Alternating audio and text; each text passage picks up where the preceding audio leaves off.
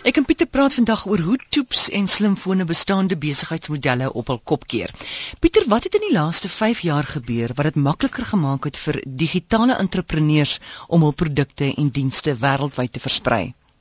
Maar een van die belangrike dinge is dat selfone um universele bedryfstelsels gekry het en ons sien daar's omtrent 4 universele bedryfstelsels op slimfone. Um wat dwars oor die wêreld versprei word. En vir 'n digitale entrepreneur is dit nou baie maklik om 'n toep te skryf, dit op een van hierdie toepwinkels te kan plaas en dit is dan dis baie maklik vir 'n individu as hy van die toep hoor of hy word deur iemand anders daarvan vertel om dan hierdie toep af te laai. Die digitale entrepreneur kry dan omtrent 70% van die inkomste wat daaruit gegenereer word. So sê maar hulle verkoop hierdie toep vir 5 dollar, dan gaan 70% van die inkomste reguit aan die entrepreneur. Maar nou is dit nie meer nodig vir die entrepreneur om te bekommer oor die hardeware en die verspreiding nie. Hy moet net na die bemarking kyk daarvan. En as hy toep goed genoeg is, dan bemark die toep dit self.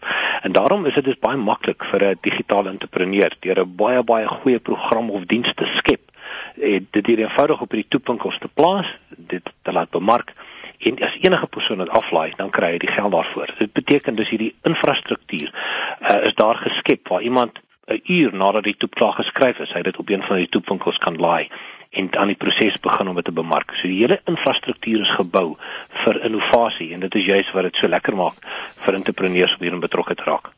Watter selfoonplatforms is tans die dominante spelers in die omgewing en wat is die voordeel en nadele van elkeen van die platforms? Daar's tans vier platforms. Ons ken almal die Apple iPhone en Android platforms en in Suid-Afrika veral ook die BlackBerry platform. Kom ons kyk vinnig na die veelheid toeps en dan natuurlik die nuwe Windows platform en die Windows 7 en Windows 8 platforms wat op op selfone beskikbaar is. En tans is die veelheid toeps op die Apple toepwinkel die meeste omtrent 700 000. Ehm um, en jy kan dus enige tyd van hulle aflaai. So ongelooflik 700 000 toeps wat beskikbaar is vir 'n individu en jy kan kies en keur watter een jy wil hê.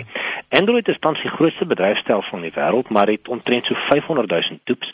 Ehm um, en die hoeveelheid geld wat mense op Android maak is klein bietjie minder. Dit lyk asof asof Apple so so toeps as jy jou toep daar plaas, jy klein bietjie meer geld daarvoor kan kry. Dan het BlackBerry baie sterk derde posisie vir omtrent 80 000 toeps en uh, Windows wat 'n uh, klein bietjie laat is tot die mark maar hulle sit omtrent met 70000. So die voordele en nadele uh, op die iPhone winkel gaan jy omtrent 3 weke moet wag voordat jou toep goedgekeur word voor dit kan verkoop word. Maar daar is een app winkel en jy kan dus ehm um, met sekerheid wees dat as jy dit daar posisioneer, jy goeie blootstelling kan kry as as jy natuurlik bemark aan jou kant. Die Android kan jy onmiddellik uh dit definieer, maar daar's geweldig baie toepwinkels, selfoonmaatskappye en die en die en diegene bou ook hulle eie toepwinkels. So daar's daar's verskeie winkels waar jy dit kan aankoop. So daar's voordele en nadele, maar die voordeel met die Android ene is die oomblik as jy jou toep daar plaas binne ure of wat, is dit beskikbaar om af te laai. So dis die vier platforms waarna ons kyk.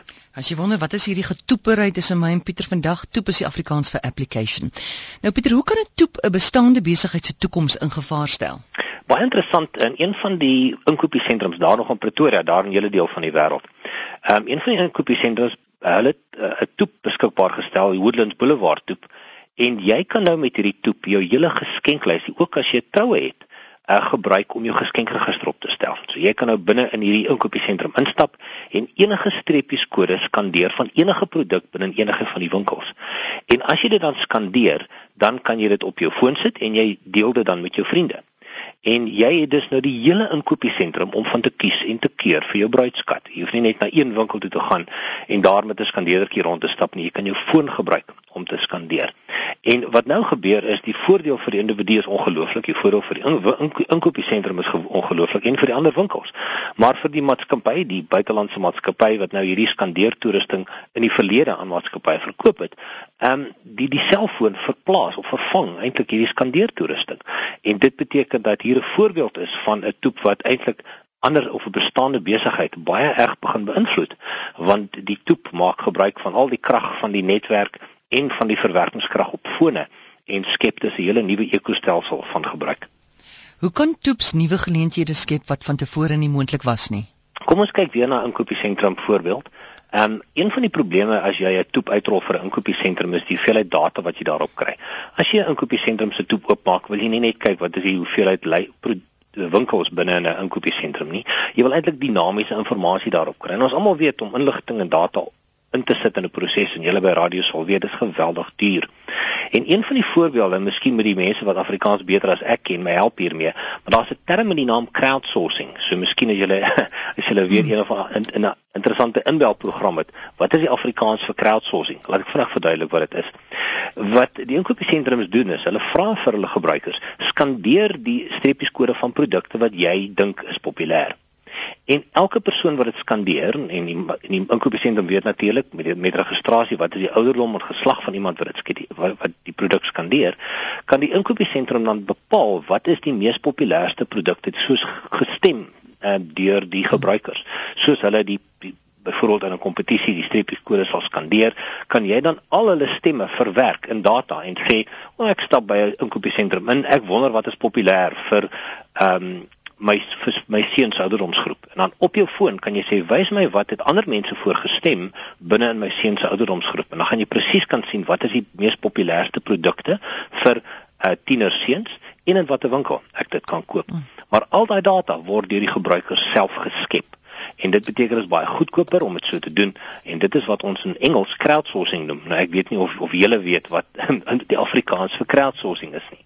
Ek gaan hopelik voordat ek en jy klaar is vandag gaan iemand vir ons 'n woord aanstuur by 3343 R1.50 per SMS.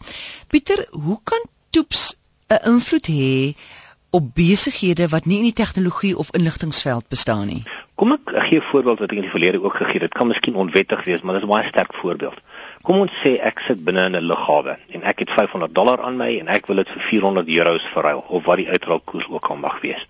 In die verlede het ek dan na een van die valutebeheerpunte toe gegaan en ek het baie minder betaal vir, vir of ek kry dit baie minder geld wat ek betaal het want ek moet belastings betaal en ek moet premies betaal. Maar nou kan ek op hierdie toep vir my sê watter ander mense is rondom my wat 400 dollar het wat 500 euros wil hê of andersom. En dan op my foon kan ek in my onmiddellike omgewing sien watter ander mense is daar wat saam met my wat belangstel in 'n transaksie. En hierdie transaksie sal my byvoorbeeld 1 dollar kos om my aan 'n ander persoon bekend te stel. Ek kan dan byvoorbeeld op LinkedIn die profiel ingaan en kyk is kan ek hierdie persoon vertrou en wat is sy profiel en as ek seker is ek kan hierdie persoon vertrou, druk ek 'n knoppie en hierdie toep stel my dan bekend aan iemand anders.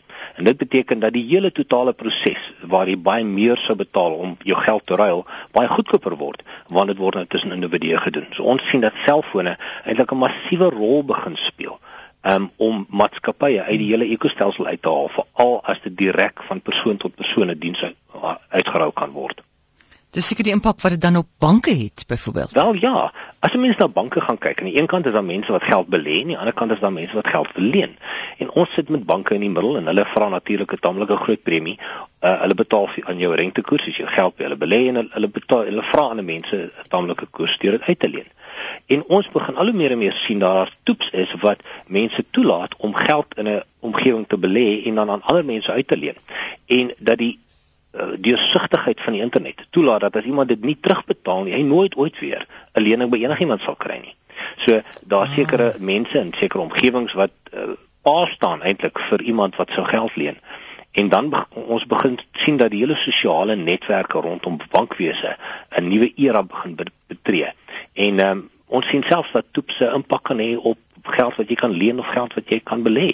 Ehm uh, maar dit is vroeg daar, maar dit gaan definitief in die toekoms 'n baie baie sterker tendens word. Heng dis interessant. Pieter crowdsourcing, Hannes sê wat van groep skandering of massaproef? Mm, massaproef klink interessant, maar ek soos ek sê, ek dink as as uh, ons nou regtig kyk na 'n paar opsies en ja. dan sal julle daar moet stem om te sê dan kan ons selfs 'n nuwe naam vir crowdsourcing. Ja. Of of 'n groep benutting sê Groep benutting, dis ook 'n baie goeie. Sê Isak, groep benutting. Groep benutting klink baie goed. Dit klink goed, ons hou daar tussen daai. Maar jy moet sê jy sê myn konyn wat nou dit betref, jy nou weet nou presies waaroor dit gaan. Ek, struikel om Afrikaanse terme vir alles te kry. So ek is regtig hmm. dankbaar vir die luisteraars wat my help. Ehm um, maar ek dink die laaste een van Isak klink baie goed. Groep ja, benutting. groep benutting het ek vir jou gesê groepwerwing, maar dis nie heeltemal wat dit is nie, né? Dit kan ook baie baie sterk wees. Uh, jy, jy soos hulle in Engels sê, jy jy, jy, poep, jy sit my op die spot. O. So ehm um, ek dink groep al twee van hulle is baie baie sterk woorde. Goed. Dankie so gesels Pieter Geldnys en hy's van die Noordwes Universiteit 'n buitengewone dosent as ook 'n toekomskundige en ons het gepraat oor hoe toeps en slimfone besigheidsmodelle op hulle kop keer.